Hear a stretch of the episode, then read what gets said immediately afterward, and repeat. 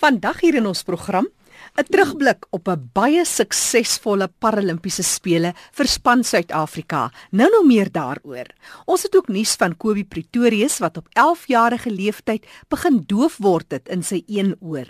Kom hoor van sy liefde vir musiek en hoe hy onverpoost aangegaan het en sy droom verwesenlik in die rol wat musiek in sy lewe as gestremde speel by die huis en in die skool want hy's 'n onderwyser.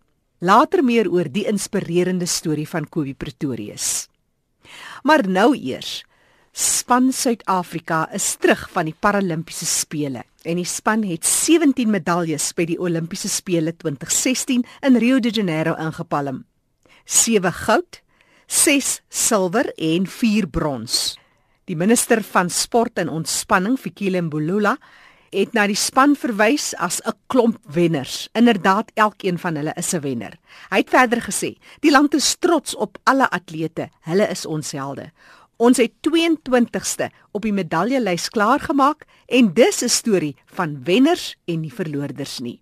Ons moet nou seker maak dat ons atlete ondersteun word sodat hulle die land kan verteenwoordig.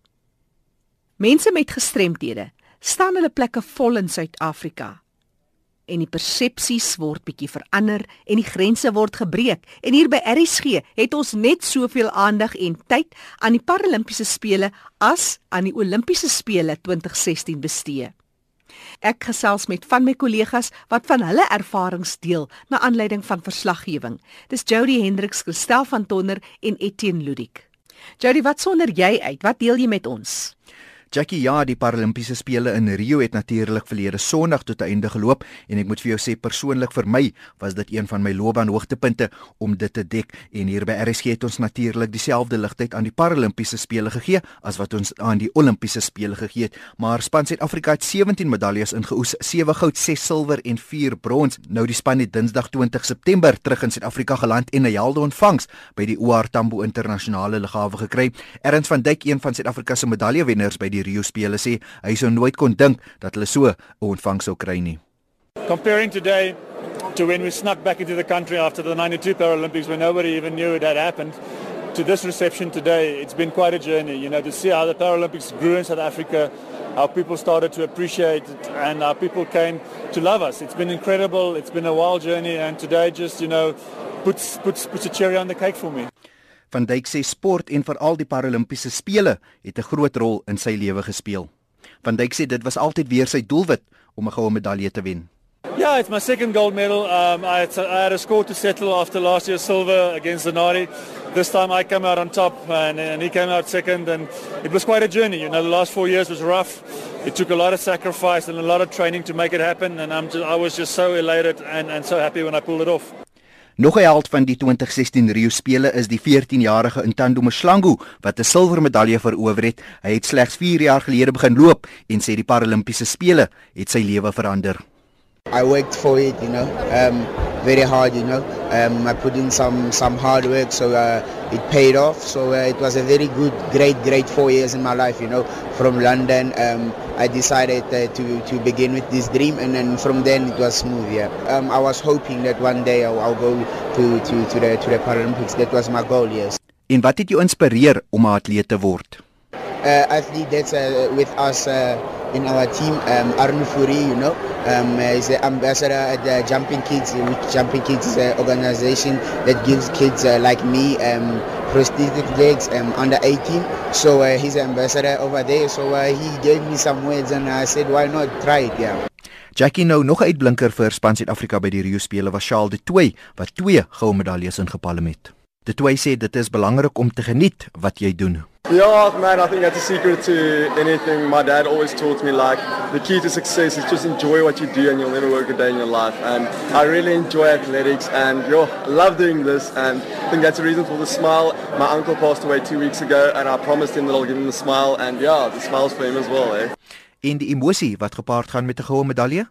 Yeah, no, I'm very thankful. I think it will sink in a bit later. Um, just so thankful. Um, when I get on the podium, I think, yeah, uh, yeah, I don't know what to expect, but I think it's going to be a wonderful experience. And having my parents here is just amazing. And Um, hats off to our amazing training group and Suzanne, our coach, Sean Sermon, my conditioning coach, our medical team did a wonderful job in getting here. So I'm so thankful for everybody that played a part in this gold medal. Like that's all the people behind the scenes that doesn't get all the glory, but they put a lot of hard work into me, and I'm so thankful for all their time and effort. So ten slotte Jackie, dit was van my hoogtepunte by die Paralimpiese spele in Rio en die volgende Paralimpiese spele word in die jaar 2020 in Tokio, Japan aangebied. Kollega Jody Hendriks wat vertel het van sy ervarings as sportverslaggewer van die Paralimpiese spele 2016. Christel van Tonner is self 'n toegewyde sportvrou. Sy was een vir verslaggewers. Christel, Dit was seker vir jou nogal ook 'n riep onder die hart om hierdie atlete so te kan sien en jy weet wat dit kos om opoffering te maak vir 'n spesifieke doelwit. Jackie, ek weet eintlik nie waar om te begin om te vertel oor hoe baie ek die Paralimpiese spele geniet het nie, om natuurlik daar verslag te lewer ook was 'n groot voorreg vir my gewees en ek was verstom, regtig regtig absoluut verstom met hierdie atlete se vermoë en die feit dat hulle nie dat hulle gestremdheid hulle definieer nie. Hulle het hierdie gestremdheid en in plaas van om in sak en as te gaan sit, het hulle hulle droom nagevolg en gesê ek wil 'n atleet word. En daar's verskillende sportsoorte wat vir my uitgestaan het. Die een was die blinde atlete gewees wat hardloop saam met 'n gids. Net die oefening om in dieselfde ritme te wees saam met daardie persoon en die vriendskap tussen die gids en die atleet was vir my so mooi geweest. Jy kan sien hierdie gids gee so baie om vir daai atleet. Dit is meer as net 'n uh, 'n gids en 'n atleet verhouding. Daar is vriendskap, daar is ware liefde tussen daardie twee mense.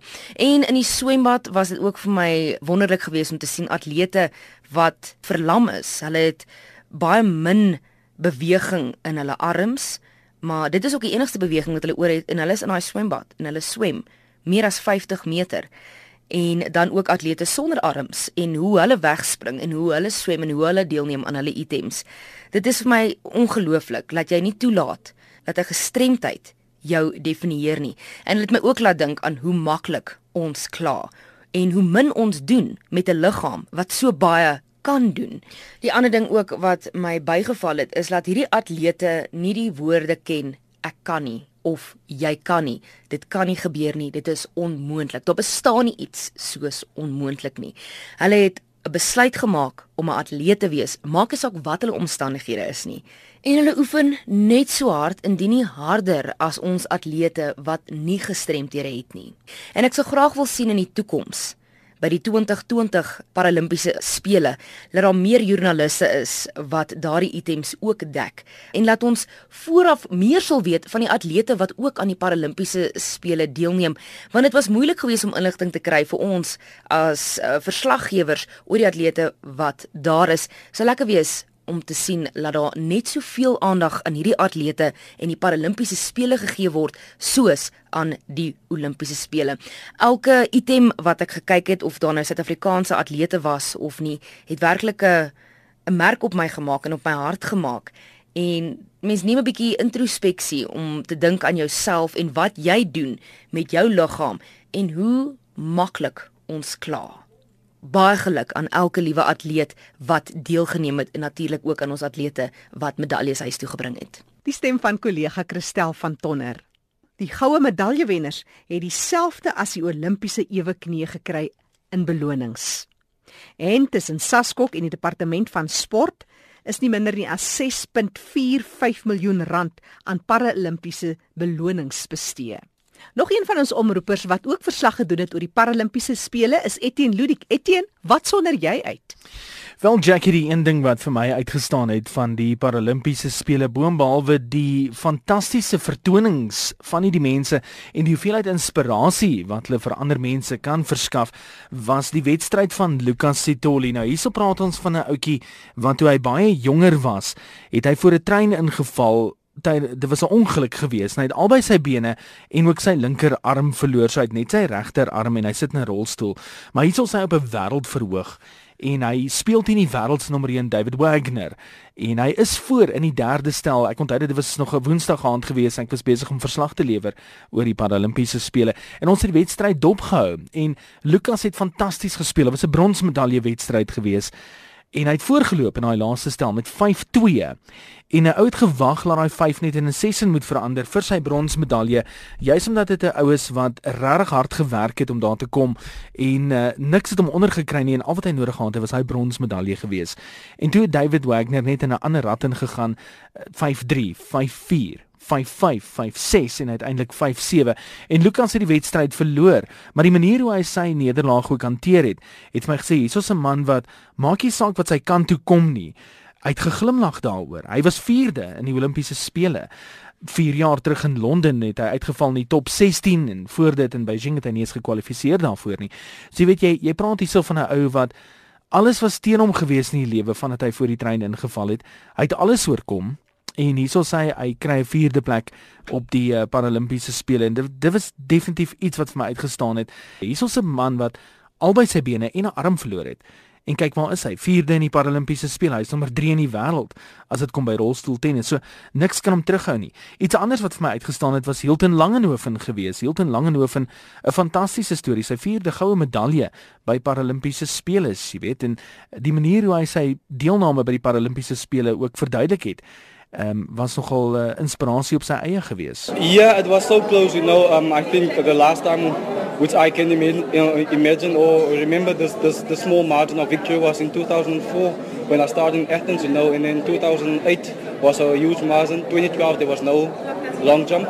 And it is mainly, I think, because of 2012 there was no long jump. Athletes started to focus on different other events and then had to come focus back on this long jump event, which made the margin so small but also fantastic as, uh, as a sportsman. Yeah.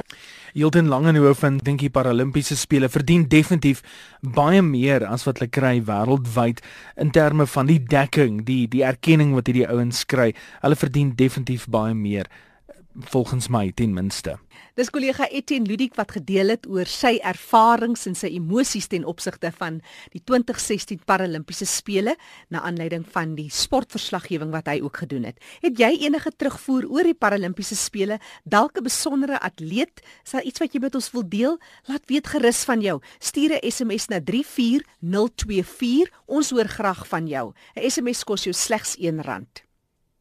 En vir ons volgende bydrae Soos beloof, die storie van Kobie Pretorius. Kom ons sluit aan by kollega Fanny De Tooy. Baie dankie, Jackie. Kom ons leer vandag meer uit die lewe van Kobie Pretorius. Hy is in Johannesburg. Welkom by ons Kobie. Dankie, Fanny. Kom ons kyk net eers so 'n bietjie na jou agtergrond. Waar is jy gebore? Fanny, ek is op Wommerandstad gebore in die Westhuise Wes-Transvaal en ek het op 'n plaas groot geword en ek is die jongste van drie broers en ek het nog die wonderlike geleentheid gehad om op 'n plaaskool te kon skool gaan. Maar uh, perde was 'n groot deel in ons familie, so ons het van jongs af perd gery en so aan. Maar ek wou musiek speel en ek wou, wou skilder.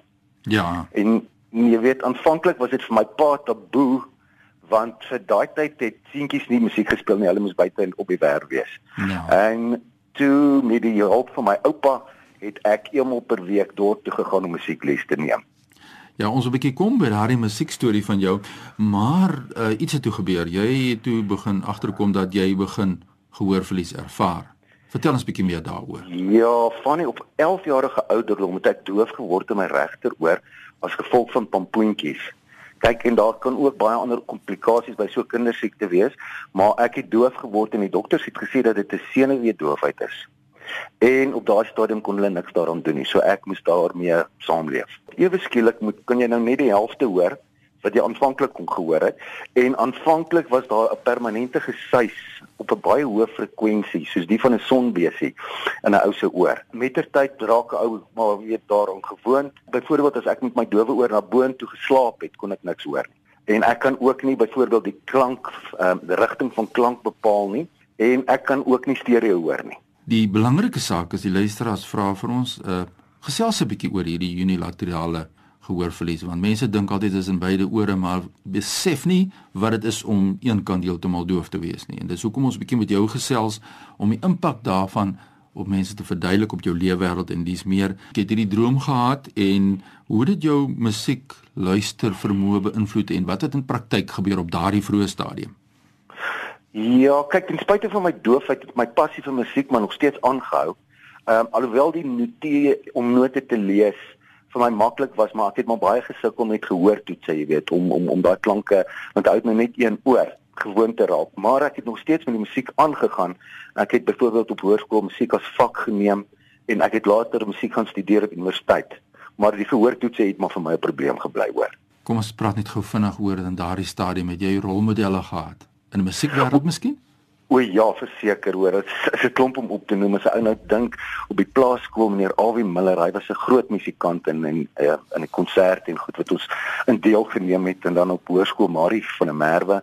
Sy was vir my 'n groot rolmodel. Ag en dan ook steeds vandag, jy weet, uh, Dr. Zen Daniel, Alwie van Wyk by die Pikkoor wat 'n ou soveel baie by, by van geleer het. Prof Caroline van die kerk. Ja, daar's veel om om op te noem. Marita Estreise, uh die orkes wat ek tans speel, die ehm um, dirigent professor Brian Boeg. Ja, daar is klomp mense wat 'n ou as rolmodelle na kan opkyk.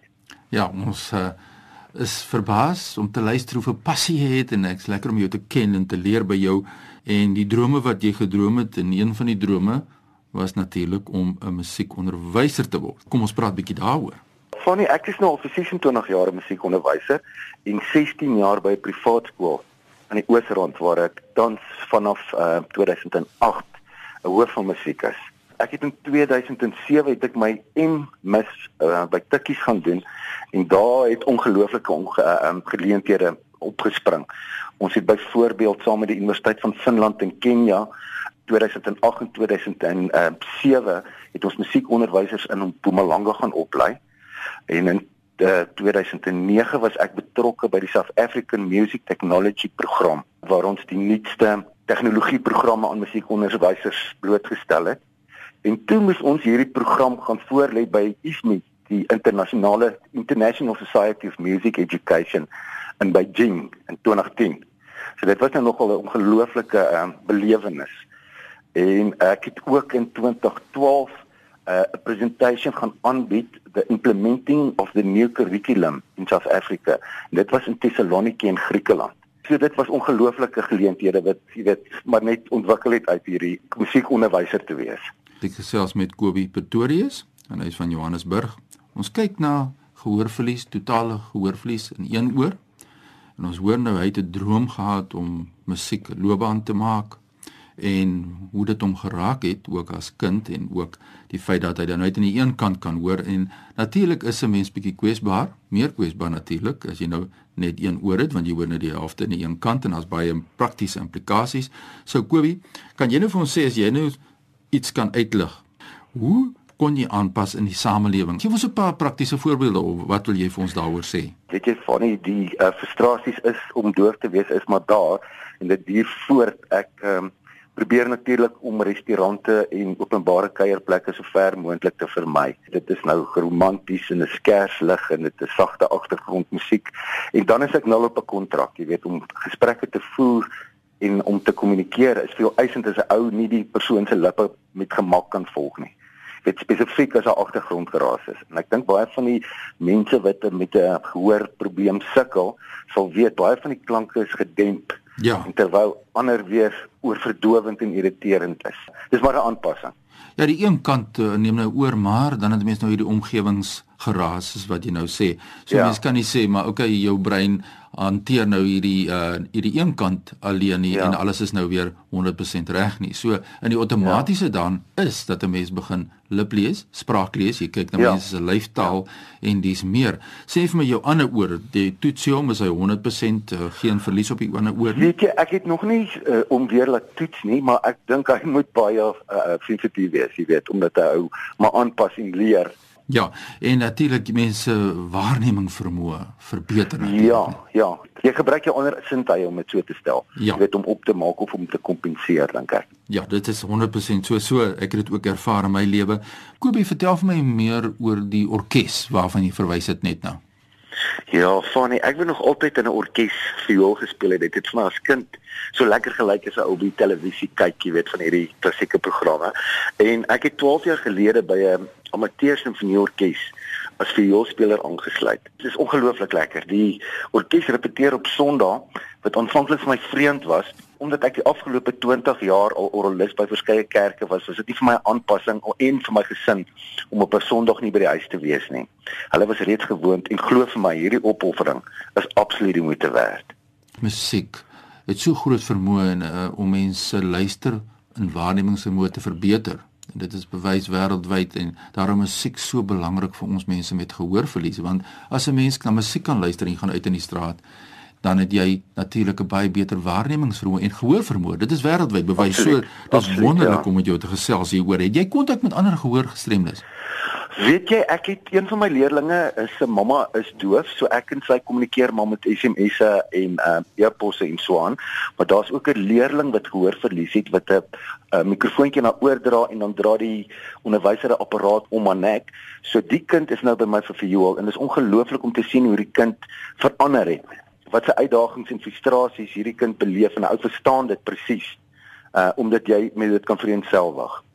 Ja, as mens nou kyk na die orkes en die een kant, dan mens sit ook 'n stem by, jy weet, as 'n mens daardie twee kombinasie het en mense lief luister na musiek, dan verbeter dit soos ek gesê het, so ja, mense vermoë om te kan hoor in ander omstandighede of soortgelyke omstandighede. Ja. Jy het net begin gepraat dat jy skilder ook en skilder jou passie is. Vertel ons 'n bietjie meer daaroor. Weet jy ek skilder met musiek as tema uit die ervaring van 'n musiekonderwyser en om uh, omdat ek in 'n simfonieorkes speel, dink ek 'n ou kyk anderster na na musiek, my liefde en passie, jy weet. Uh, ek probeer van die momente in my werk weer speel wat 'n musiek aan aangaan. Kyk, klank gebeur en dan is dit weg. Ja. Uh om dit te probeer vasvang en te om en in 'n mate om te hoor met jou oë of om te skilder met jou ore. Dit is maar my tipe manier van styl uh om emosie van musiek vas te lê. Daar's op die oomblik is daar tans by Lentjie Lombard Galery in Robertson is daar van my werk te sien en mens Google almal Google deesdae die luisteraars kan gerus Kobie Pretorius aard gaan Google. Ja, ek sal 'n bietjie ook self 'n bietjie kyk. Nou ja, soos ons gehoor het Kobie Pretorius, iemand met gehoorverlies, doof aan die een kant van sy gehoor is heeltemal weg die een oor en ons het uh, nou geluister na sy lewe wêreld. Vertel ons meer net oor jou gesin vinnig. Ja, ek is met Marinda getroud en sy is eintlik 'n kunstenaar op haar eie reg. Sy kan ongelooflike mooi kalligrafie doen en sy skilder self ook so ons vul mekaar lekker aan. Dan my seun Marco is nou 26, hy's 'n geoktroeëerde rekenmeester en my dogter is 23, Tonay. Sy is in die toerismebedryf. En weet jy, dis ons het 'n wonderlike gesin en um, kyk, hulle hulle het nie geweet hoe met 'n pa wees wat kan hoor nie. Ja, ja hulle het met dit groot geword en ek moet vir jou sê hulle kom my baie tegemoet. Uh, alhoewel ons baie keer kan lag want ek hoor baie keer van goed verkeerde woorde en ons is nou al so dat ons jy weet daarmee kan lag en ja. ons kan da, dit as pret vind. Ja, dit is wonderlik. Maar hulle sal my baie aanvul en ook sê, jy weet, pappa daai oom het dit gesê of daai oom het dit gevra of of of so aan. Maar ek is baie baie gelukkig om so 'n spesiale familie te kan hê. Ja, en die familie is baie keer baie bereid om aan te pas en veral kinders Absoluut. is so oulik, jy weet, so en ek weet ook my kinders het met 'n doewe pa heeltemal 'n doewe ja. pa uh, wat ja. in beide ore gehoor verlies het, ervaar het en doof was, uh, groot geword en ek kan maar net daarvan ja. getuig. Kort boodskapie van iemand wat nou soos in jou geval sy gehoor aan die een kant verloor het, wat sê vir ons net vinnig vir die gemeenskap? Ag ek dink dit is aanpasbaar, jy weet, ehm um, en 'n ou kan daarmee saamleef en dit is 'n kwessie van uh begin vir elkeen sy 5 minute sonskyn. Ja. Ehm um, ek dink absoluut hierdie uh, jy jy kan normaal in aanhalingstekens kan jy normaal funksioneer en aangaan en 'n uh, ongelooflike vol en bevredigende lewe hê. Nou ja, daar het ons dit. Dis die mening van Kobie Pretorius. Soos ons gehoor het, hy pak die liewe met passie aan en die belangrikheid van musiek en dis meer in die leefwêreld van mense met gehoorverlies. Waar kan mense jou in die hande Kobie as hulle met jou wil skakel? Herhaal net vir ons weer jou kontakbesonderhede. Uh, jy kan hulle kan my skakel by 082 856 0540. Herhaal vir ons daai nommer. 082 856 0540.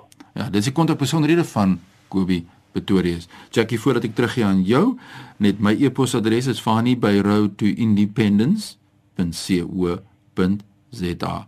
Groetens uit Kaapstad. Dis Fani de Tooi wat dag groet uit die mooie Kaap en dankie Kobie Pretorius wat sy storie vandag met ons gedeel het hier in die program. Het jy enige navrae of terugvoer? Ons sal baie graag van jou wil hoor. Stuur net 'n vinnige SMS na 34024. 'n SMS kos jou slegs R1.